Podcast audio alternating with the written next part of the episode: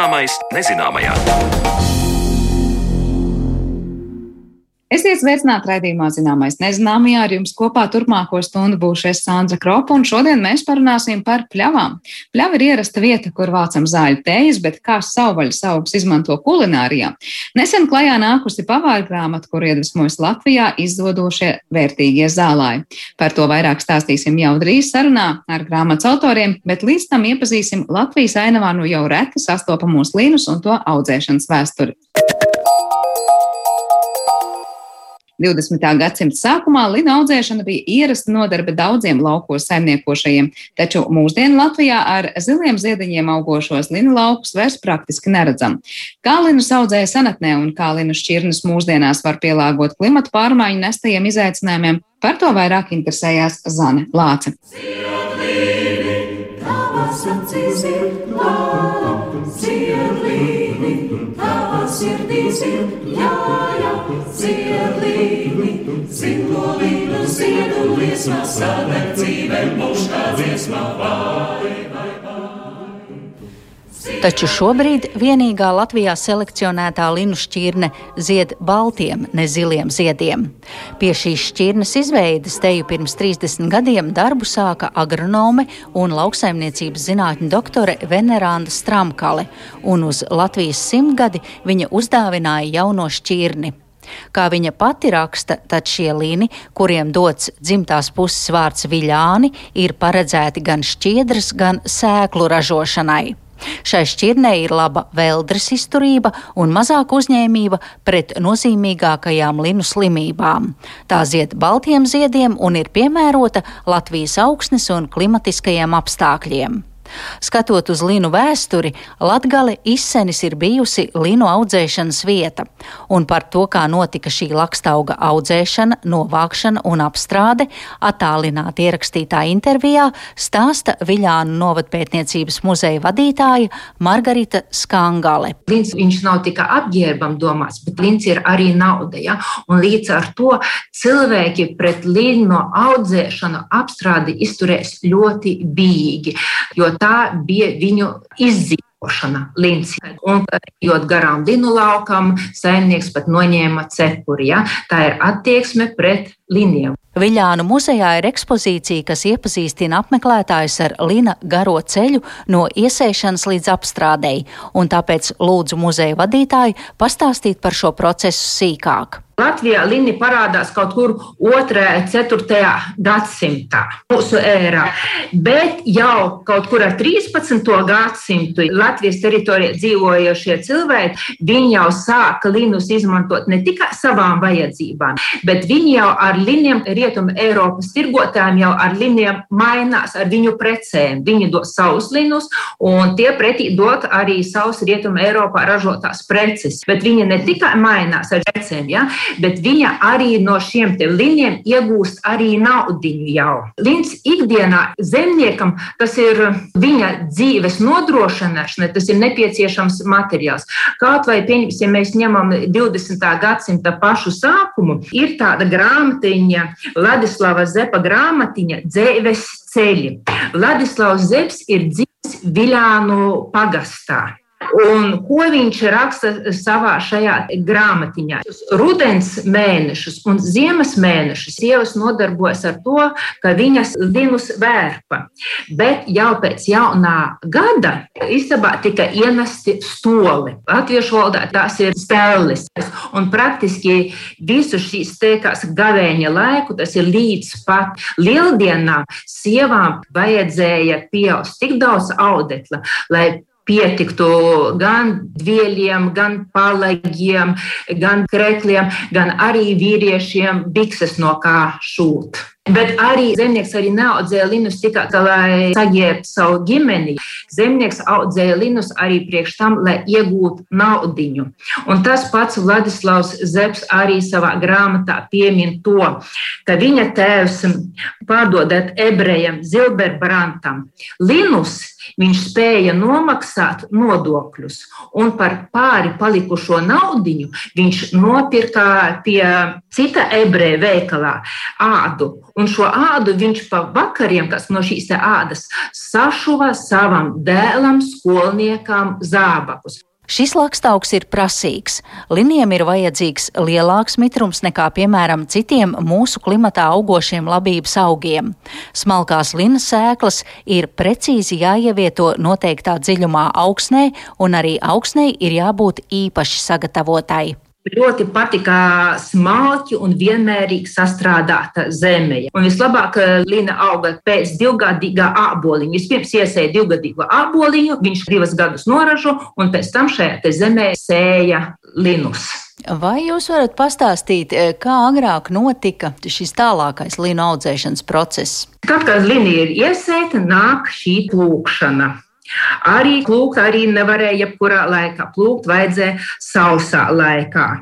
Jo citādi šie līni varēja satvīkt. Un tad, kad plūca vajadzēja saujām būt ļoti vienādām un smuki sasietām, praktiski ja mēs tā salīdzinām linkopību, piemēram, ar kartupeļu stādīšanu vai ar, e, pieņemsim, e, kādu citu graudaugu sēšanu un iegūšanu, līni tie bija vis, visdarbietilpīgākais e, process, tika viņos ieguldīts linos. Tātad, tad viņus iesēja, pēc tam nāca linu plūkšana, Un tāda kārtīga čakla saimniece vienā dienā varēja noplūkt no 500 līdz 600 saujām linu.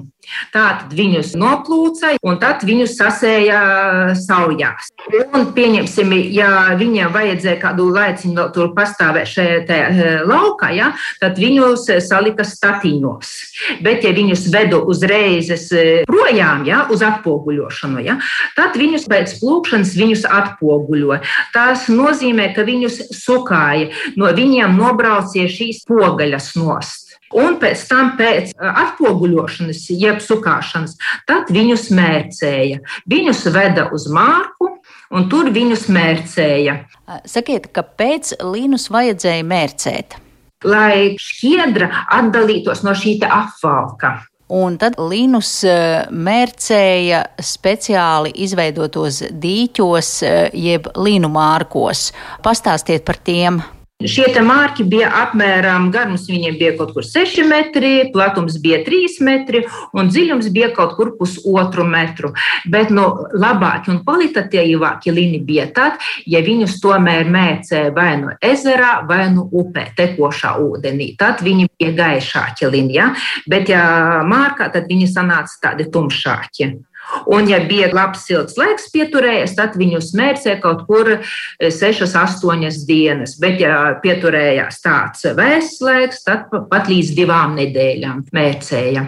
Un tad viņus izņēma laukā, un viņus uzreiz nekur neveda. Viņus, e, ja tur bija kaut kur blakus, turpat blakus bija tīrums vai pļava, tad pūlīšus atsēja vaļā, un viņus izklāja pa šo tīrumu, lai viņi balinās šie līniji. Pēc balināšanas tad viņus veda uz Rīju. Tur viņus skaltēja, un pēc tam notika mīstīšana, linu kauliņu salauzīšana. Jā, viņus lauzīja, lai šo apvalku, šos skiedru atbrīvot no apvalka. Pēc tam nāka kūstīšana.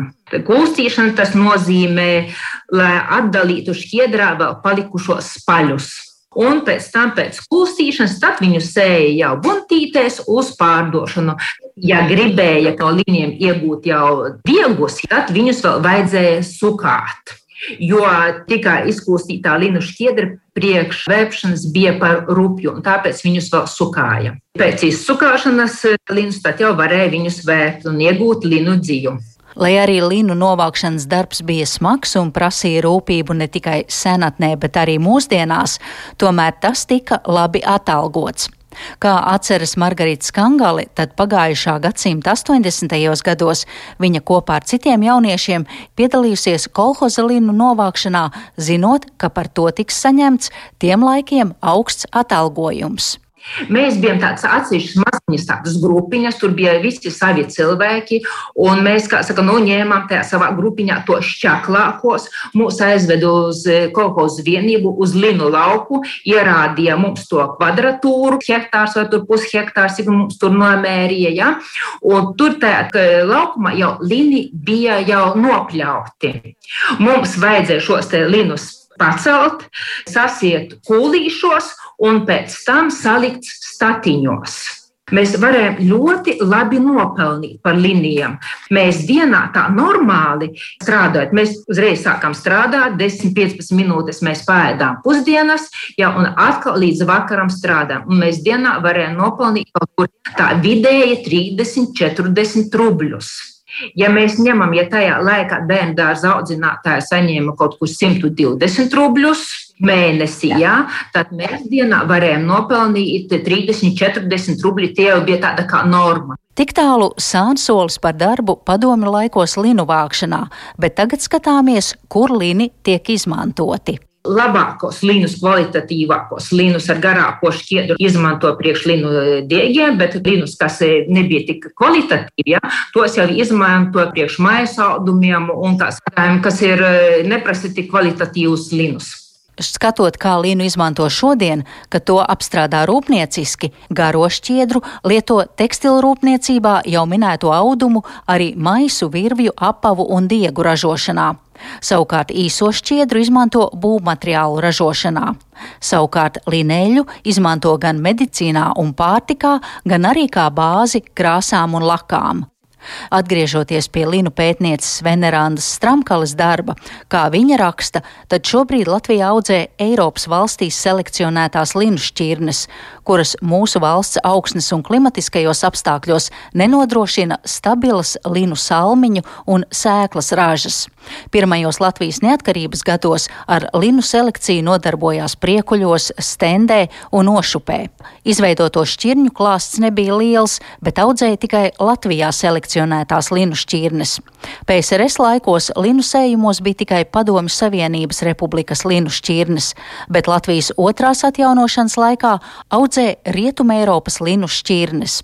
Savukārt, kā teica mana sarunu biedrene Margarita Skangale, tad līni kā ienesīga eksporta prece bija jau pirmajā Latvijas brīvvalsts laikā. Brīvības cīņu laikā par linu laudu Latvija iepirkā ieročus. Un tad, kad tika izveidota Latvijas republika, pirmais un lielākais eksporta preces, tas nebija bekons, tas nebija svieks, tie bija lini. 1925. gadā visā Latvijā e, linus audzēja pāri par 87 tūkstošiem hektāru. PSRS laikos tikai Latvijā linus audzēja vairāk par 25 tūkstošiem hektāru. Un, ja mēs paskatāmies ziņas par 2015. gadu, tad visā Latvijā, ņemot šķiedras linus un Eļas linus tika audzēti bišķiņi vairāk par 200 hektāriem. Protams, šodien tie ir ekonomiskie aspekti, kāpēc linkopība Latvijā ir gājusi mazumā, un ir grūti paredzēt, kā šobrīd vienīgā selekcionētā linu šķirne nākotnē iekaros Latvijas laukus. Bet katrā ziņā šodienas klimatiskajiem apstākļiem tā ir piemērota. Paldies Zanēlācei par sagatavoto stāstu, bet redzījuma turpinājumā pievēršamies neparastai pavaru grāmatai, kuras sastāvdaļas meklējams ne tikai tirgū, bet arī pļavā.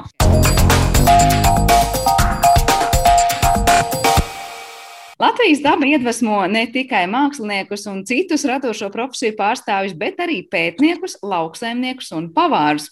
Pavisam nesen klajā nākus pavāra grāmata, kuras tapšanā idejas smeltas no Latvijas dabiskajiem zālājiem kādus pļāvu augus var izmantot kulinārijā, un vai atgriešanās pie savvaļas augu ievākšanas ļautu cilvēkiem vairāk sargāt izzūdošos zālājus. Par to šodien mēs runāsim sarunā ar maniem viesiem. Tāpēc sveicu šajā studijā šefpavāru un restorāna kestu līdzīpašnieku Māri Jansonu. Labdien, Māri! Sveiki, sveiki! Tāpat arī bioloģija vidas risinājuma institūta pētniece un zālāju eksperta Rūtā Bajer mums kopā. Sveika, Rūta! Sveicināti! Un abas pagastā esošās saimniecības drubas saimnieks Girds Dzēra arī mums ir pievienojies. Sveiks, Girds! Sveiki! Es varbūt sākšu ar Māri, jo Māris ir šīs pavāra grāmatas autors un garšīgākās daļas autors. Vai jums kā pavāram šādu savvaļu augu izmantošanu kulinārijā ir kas pilnīgi tāds pašsaprotams un ierasts, vai tomēr šīs ir bijis tāds savu veidu izaicinājums meklēt pielietojumu dažādiem pļavas augiem?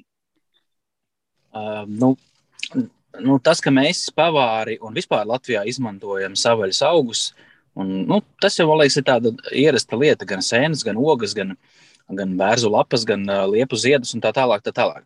Bet tieši šis konkrētais stāsts ir par to, ka, ka tomēr te ir tāda ierobežota, un tā ir pļāva. Tā tad tas nav mežs. Ja?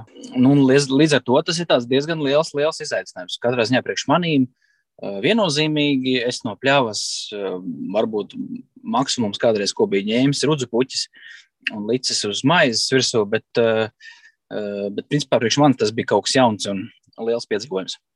Eh, jā, varbūt mēs varam klausītājiem nedaudz ieskicēt tie, kuri nav šo pavāru grāmatu vēl redzējuši. Tātad tas ir stāsts par to, kā eh, izveidot dažādas interesantas receptes, kur izmantoti ir visdažādākie tieši dabiskajās pļavās augoši augi. Ja? Tur sākot no ļoti tādiem pazīstamiem, piemēram, rases krēsliņiem, līdz pat kaut kādiem eksotiskākiem gadījumiem. Varbūt nedaudz varat ieskicēt par to, nu, kas pašam bija tas interesantākais izaicinājums un pārsteigums veidojot šādu pavāru grāmatu un kā tā ir tapusi.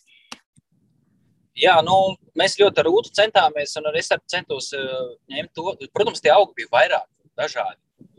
Es domāju, ka kādi 50, ko varēja izvēlēties šai, šai grāmatai, bet centāmies uh, ņemt tiešām tādus, kuri daudz maz varētu eksponēties kaut kādīgi uh, virtuvē, tieši kulinārijā, kur arī būtu vieglāki atrodami, varbūt un, un tādi pieejamāki šis projekts vispār ļoti nekomerciāls. Nu, cik vien var būt, eh, mēģinājām tos augus atrast tādus zināmus, jā, teiksim, kā šālapu ceļteka. Eh, es tikai zināju parasto ceļmalu lapu, ko lika uz ceļgaliem eh, bērnībā, bet izrādās ir arī šālapu ceļteka, jā.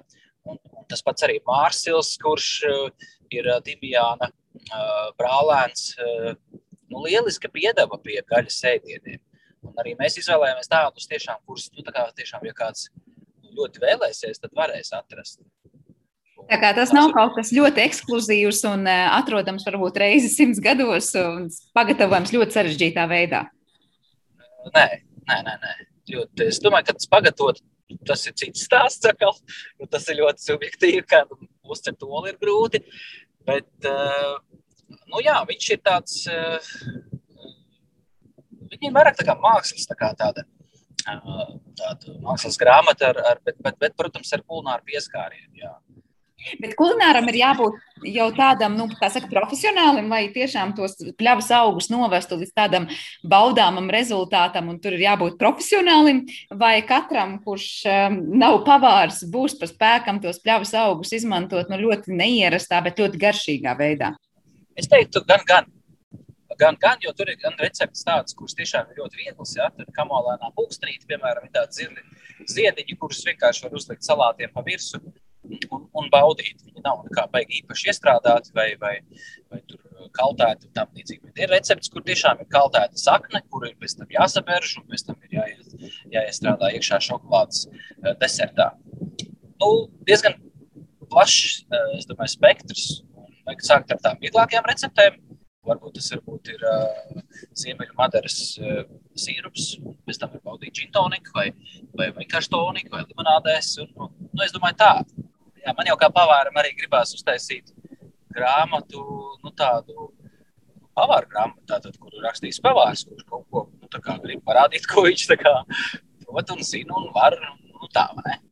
Jā, es domāju, ka tas pirmkārt jau ar šo grāmatu ir izdevies, un gan jau, ka mēs varēsim gaidīt arī turpmākas vēl grāmatas, jo grāmata gan izskatās skaisti, gan arī, jāteic, esmu pagaršojis dažus no šiem veikumiem, garšo ļoti, ļoti labi. Bet Rūtē man jautājums, pirms mēs varbūt plašāk runājam par to, kādas garšas tad patiesībā varam sagaidīt visdažādākos pļavas augos.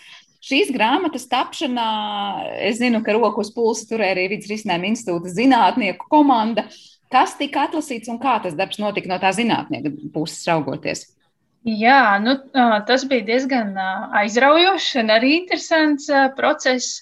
Um, tā kā šī grāmata ir tapusi Grāslaifa projekta ietveros, tad um, vispirms es atlasīju tos uh, zālāju biotopu veidus, par ko ir šis projekts. Tie ir veseli pieci. Uh, un tad es skatījos, kas ir katram zālā veidam raksturīgās augu sugas. No tām es veidoju sarakstu. Tad nākamais es filtrēju eh, nos tos augus, kas ir aizsargājami vai indīgi. Un tad eh, tas, kas nu palika pāri, hm, to es to sarakstu nodevu māraziņā, un tad tālāk skatījās, ko viņš tieši var no šiem augiem konkrēti izmantot.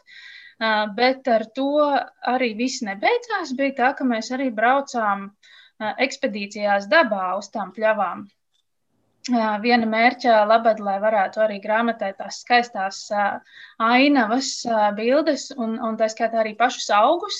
Mēs gribējām pilnā augumā nofotografēt, nevis taisīt tā kā saucamo herbāriju, kā, kā zinātnieki to dara, bet tādu tā kā fotoherbāriju.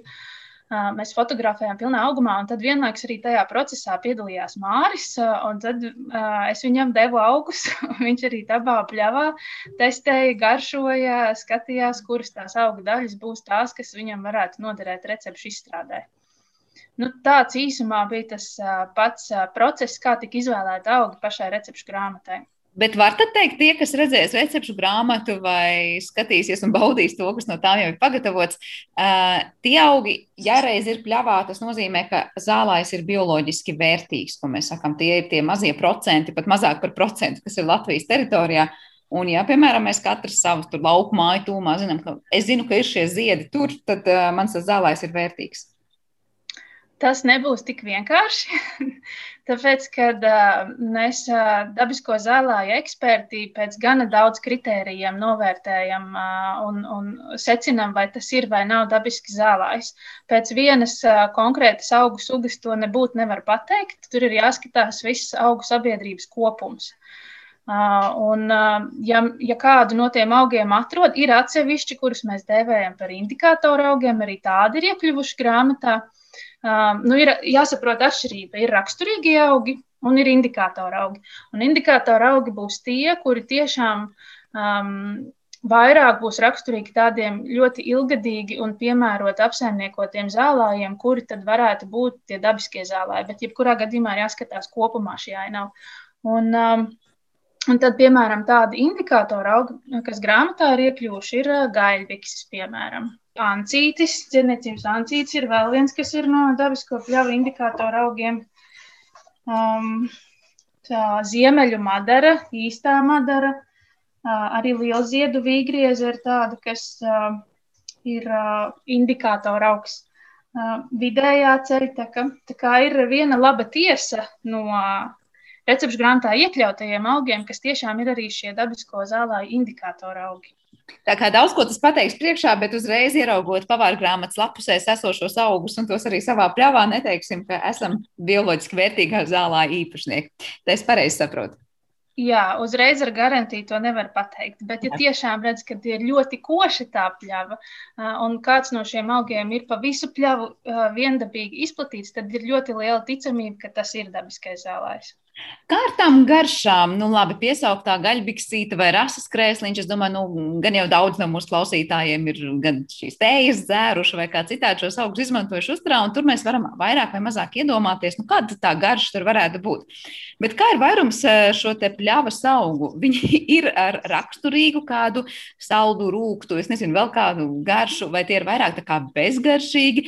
Mārim varbūt jautājums no tā garšu eksperta puses raugoties, cik interesanti ir šie pļavas augi, lai tos izmantotu. Nevis tikai, lai estētiski varbūt noformētu ēdienu, bet tiešām piešķirtu garšas īpašības.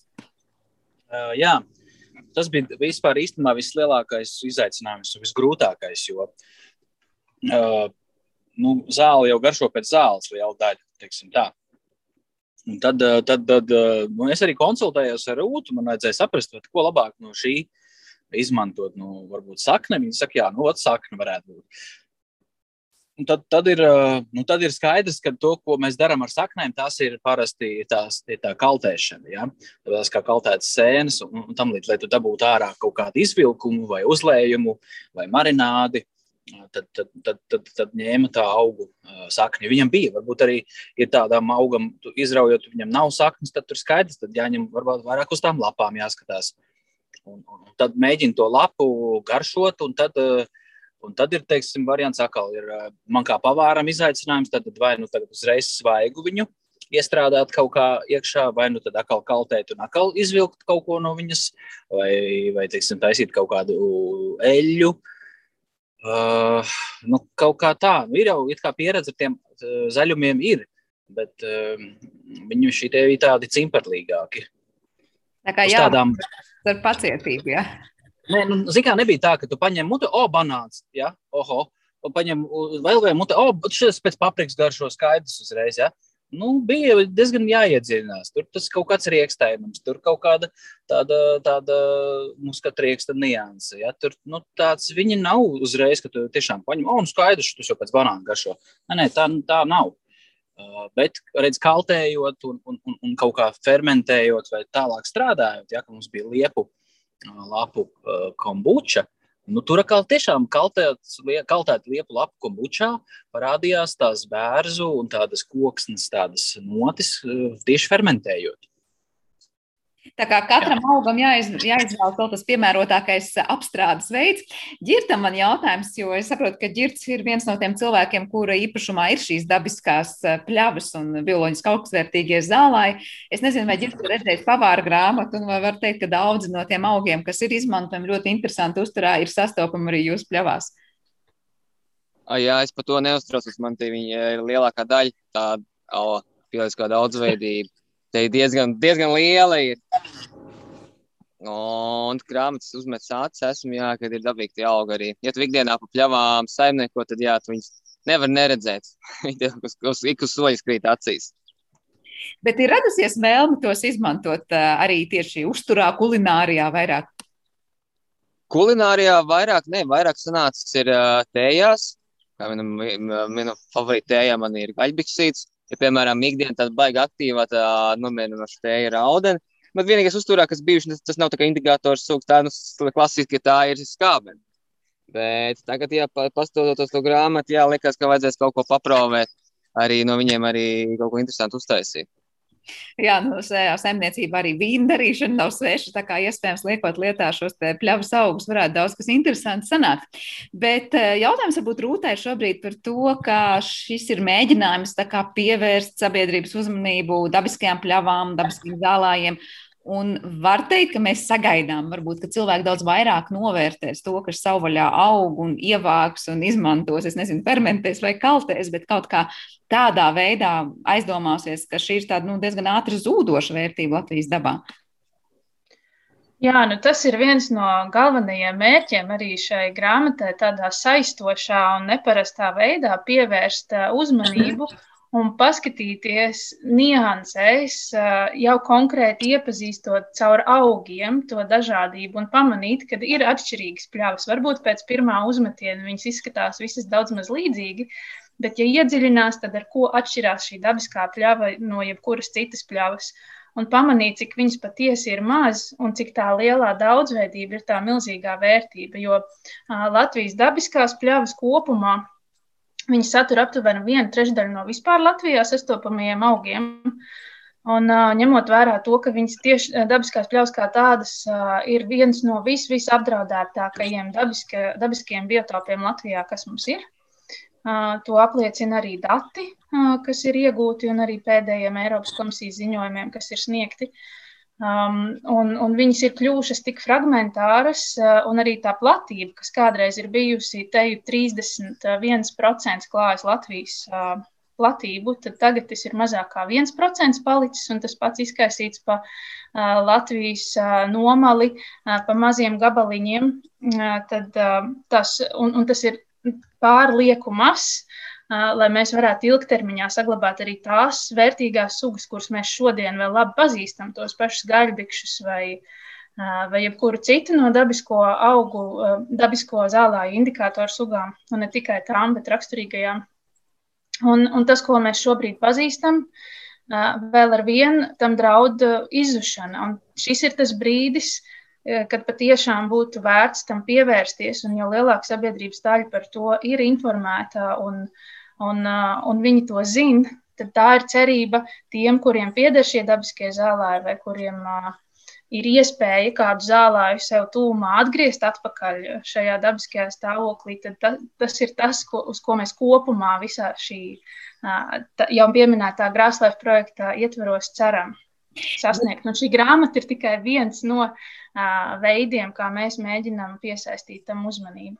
Reanimēt mūsu sajūtās, varbūt to, ka tā dabiskā pļāva ir kaut kas, kas ikdienā varbūt ne tikai estētiski ļoti skaists to skatoties, bet arī izmantojams pārtikā un, es nezinu, ļoti daudzos interesantos veidos, laikam tā. Bet jautājums, nu tad, ja mēs sagaidām, ko no tiem cilvēkiem, tiem, kuriem jau ir šīs pļāvas, ka tās tiks laikus noganītas vai nopļautas, ja, un tad neaizaugs ar krūmiem un nepārvērtīsies citās audzēs, tur, nezinu, nesāks augt kaut kādi suņu burkšķi vai kādas citas kultūras, un savukārt tiem, kuriem tās pļāvas pļavas, kā tikko Rūta minēja, ir tādas, nu, tā kā jau uz izušanas robežas, tās reanimēt. Kā tas notiek un cik ilgā, ātrā laikā to ir iespējams izdarīt? Tas ir ļoti individuāli atkarībā no katras pļavas situācijas, pēc tās iepriekšējās apsaimniekošanas vēstures. Protams, tajā gadījumā, ja pļava ir tikusi iznīcināta vai zudusi, un to, tas visbiežāk notiek uzarot, vai apstādot ar mežu, vai apbūvējot. Ar mežu apstādot vēl tur tāda lēnā nāve, jo kamēr tas mežs pieņemās augumā, tikām vēl pa apakšu tur dzīvo tās sugas, bet skaidrs, ka nākotnē tur viņām īsti nav vairs. Um, tad tas, ko var darīt tie, kuriem uh, ir šie dabiskie zālē, tad meklēt veidus, kā turpināt viņus apsaimniekot. Un, un šis pats Grāslēra projekts ir viens no tiem, ar kuriem var sazināties un jautāt padomu, kā to veiksmīgāk darīt tiem, kam ir šie zālāji. Um, tad uh, vēl ir variants, jā, nu, kuriem, piemēram, ir ilgadīgie zālāji. Viņi pašreiz neatbilst uh, dabiskā zālāja statusam, uh, bet viņiem ir potenciāls salīdzinoši drīzā nākotnē uh, tas ir pēc eh, vairākiem gadiem. Tas nenozīmē, ka tūliņ un tagad, eh, šogad, nākamgad, bet eh, dažkārt tie ir desmit, un citkārt, ja tur agrāk ir bijis tīrums, pat 20 gadi ir jāgaida, lai atgrieztos atpakaļ. Um, dabiskais zālēs, un arī citkārt tas neizdodas, ja, piemēram, tuvumā nav no kurienes šīm dabisko zālēju sugām ienākt atpakaļ. Un tādu gadījumu arī Latvijā ir novēroti. Un tad var palīdzēt vai nu uh, um, sadarbojoties ar tiem tuvējiem dabisko zālē īpašniekiem, kuriem ir uh, šis dabiskais zālājs, tad sarunāt, vai nevar dabūt sienu vai sienas malkumus, un tad pakaisīt tās sēklas pa to zālāju, uh, piesēt. Uh, cits gadījums ir, ja pieņemsim, šis zālājs ir bijis kādreiz piesēts ar graudzālēm. Uh, tad tas ir grūtāk, jo tad viņas ir jāmēģina kaut kādā veidā nomākt. Vai mazināt. Vēl cits gadījums ir, ja viņš ir bijis bagātināts ar barības vielām, jo dabiskiem zālājiem ir vajadzīgi salīdzinoši pieticīgi augsnes apstākļi, lai tā sugu daudzveidība tur saglabātos. Nu, lūk, kā, un vēl ir gadījumi, kad meliorācija arī ietekmē to un maina dabiskā zālē stāvokli.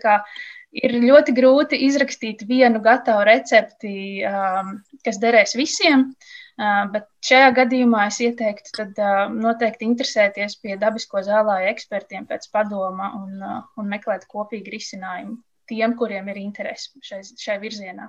Jā, tad dabiskā zālē eksperts mēs noteikti varam atrast gan sadarbībā ar dažādām zinātniskām institūcijām, gan nevalstiskām organizācijām. Bet jautājums ģirtam, kā cilvēkam, kuram ir šis zālais, vai to ir grūti uzturēt formā, un vai no tā, ko jau tikko Rūta minēja, ka nezinu, padalīties ar, piemēram, sienu un kaut ko citu, eh, būtu gatavs tuvējiem kaimiņiem vai interesantiem. Jā, kāpēc nē? Vienkārši ir eh, cilvēkiem jāsaprot tas, kad viņš ieiet kaut vai viens ieiet zālē, ja viņš domā, ka viņš saplūks priekš sevīm, bet jādomā, ka viņš nav viens, ka ir daudz cilvēku. Ja vienkārši ir jābūt cieņai pret privātu zemi un vienkārši iesazinās ar saimniekiem, un viss galvenais ir runāt. Un sarunāt jau visu, ko vajag. Tāpēc, ka, piemēram, uz līgo laiku cilvēkiem interesē, kurā jāņem zāles priekš sevīm saplūk. Jā, ir iespējams, jā, man zvanīja, jā, ir atļaujumi, piemēram, ģimenēm Un, jo tādas vietas jau nav daudz, kur viņš varētu saplūkt. Kād, un no darba tas prasa. Vienīgais, kas mums, jā, mums ir tas, uh, ielējā ir daudz nogāzes, uh, vairāk uh, izaicinājumi ir tieši nogāzēs, un kur ir grūti apsaimniekojams ceļa ieliek. Tad ir, jā, tad ir vai nu jāapgana ar govīm, vai nu vienkārši ir jā, tad ir speciāla tehnika, vai ir vienkārši ar rokām jāpļauj, jāgrāb, kā arī, kā arī tas man arī sanāk. Pļaujam rokām, grābjam rokām, sienu nonesam ar rokām, tas tāds no ikdienas paprasa uh, fiziski un daudz laika, nu, sen, uh, lai tur ieguldītu tenīs pļavās. Bet citreiz tāpatās jau nepietiek ar to, ka tur tenīs pļavās. Tāpatās man ir, uh, kurš nu, saucamās potenciālie biotopi, kur, kur vēl aizvien skaitās veca atmata, kuriem ir jau, var teikt, pie 30 gadiem. Nepietiek ar to jau, ka tu pļauju un novāc. Ja tās sugas, piemēram, tev plakām dabīgākās pļaus, tas sugas jau tur ātri neieviesīs. Es saku, var jau paiet kā man, tāpat 25 gadi, un vēl viņi skatās kā vecs atmet.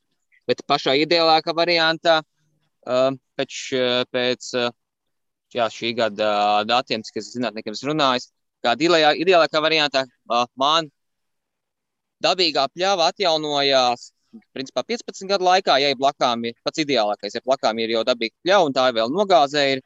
Un var teikt, un pēc 20 gadiem uh, var, ir tā, ka nevar pateikt, kur ir dabīga, kur nav dabīga, ka viņiem īsti sākus jau saplūst.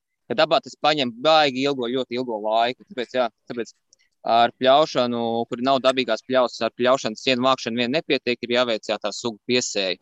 Jo tie augi, jā, jo viņiem liels, jo lielāks attālums, jo paiet daudz reiz ilgāk laika, lai tā, tie augti varētu pārvarēt to, uh, to attālumu robežu un varētu iesēties. Bet, ja cilvēks iesēja tos dabiskos zālājos nepieciešamos augus, tad arī tas prasa tik daudzus gadus, lai tas augs tur iedzīvotos. Vai tad mēs runājam par to, ka jau vienu gadu iesēja, nākamā gadā uzdīgst pareizās, pareizi augi?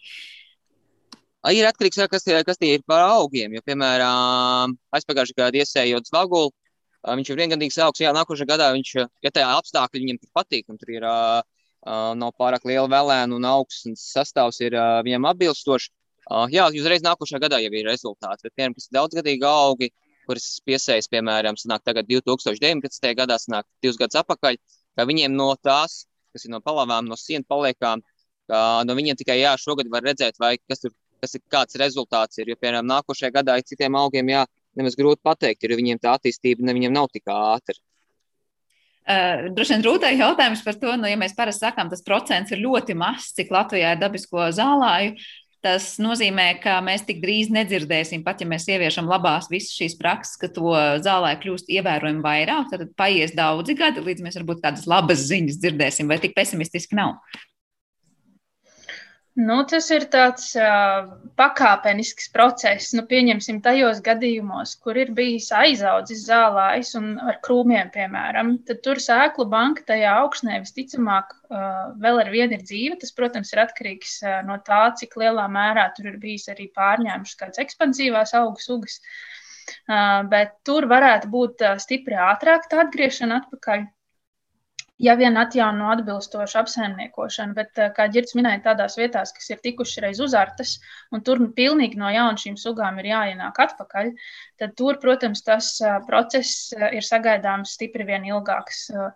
Nu, tā, diemžēl, tas ir, kad uz burvju mājienu uzreiz panākt lieliskus pļavas atjaunošanas rezultātus nav iespējams, tāpēc, ka tas ir ļoti atkarīgs no no vesela virkni dažādiem faktoriem.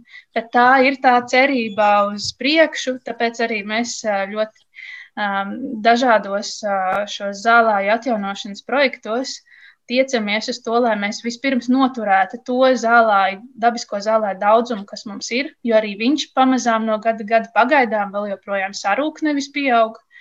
Um, un, un pagriezt šo procesu otrā virzienā, ka pamazām viņi atkal atgriežas vismaz uh, tādā daudzumā, lai mēs varētu droši teikt, ka mēs nākamajām paudzēm varēsim nodrošināt to, ka viņas varēs arī priecāties un baudīt dabisko pļauju skaistumu. Jā, nu tas tiešām ir mērķis, uz kuru doties.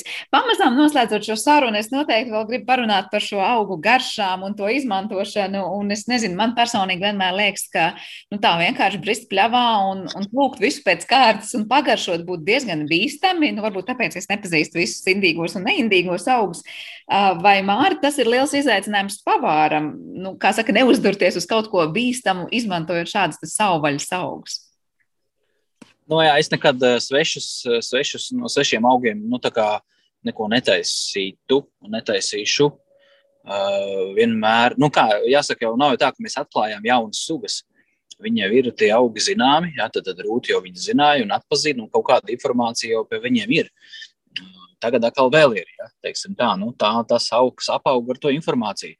Bet tā uz dūlo vienkārši iet rakt eh, kaut kādu puķi, ēst. Es domāju, ka viennozīmīgi to nevienu neaicina. Un eh, man ir prieks par to, ka šis projekts nav tik ļoti komerciāls. Ir skaidrs, ka pļāva dzīvo savu dzīvi, un tas ziediņš tikko ir, un viņš vairs nav.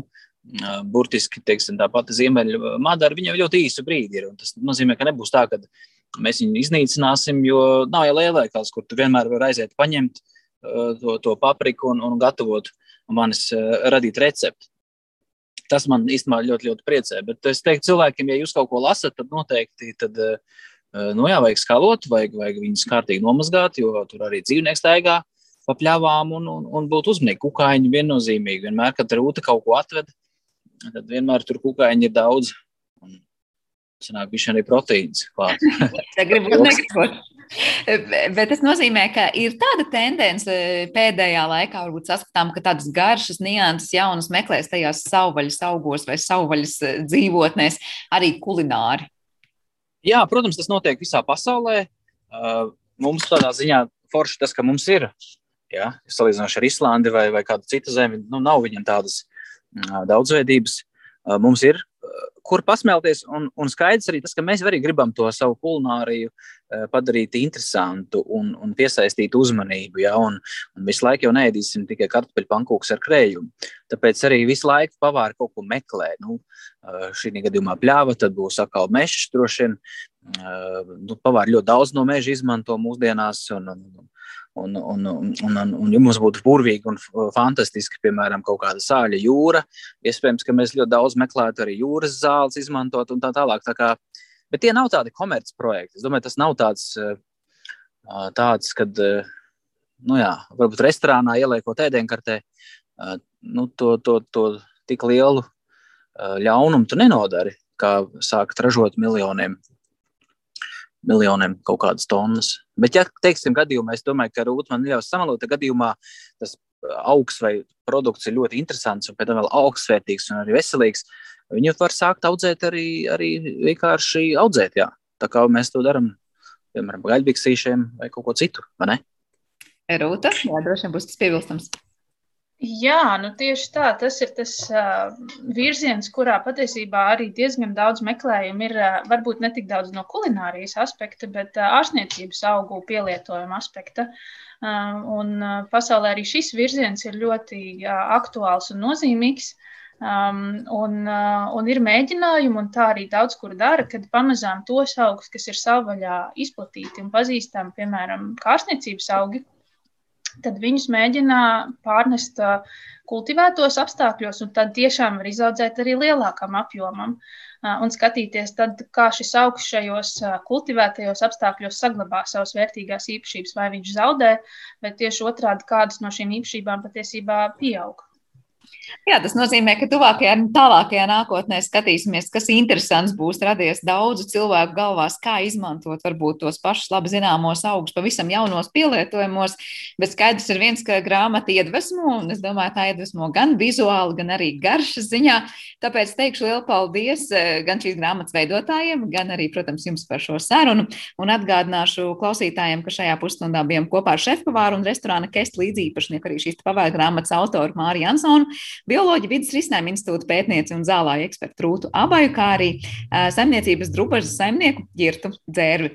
Paldies jums visiem par sarunu un uz tikšanos kādā citā reizē.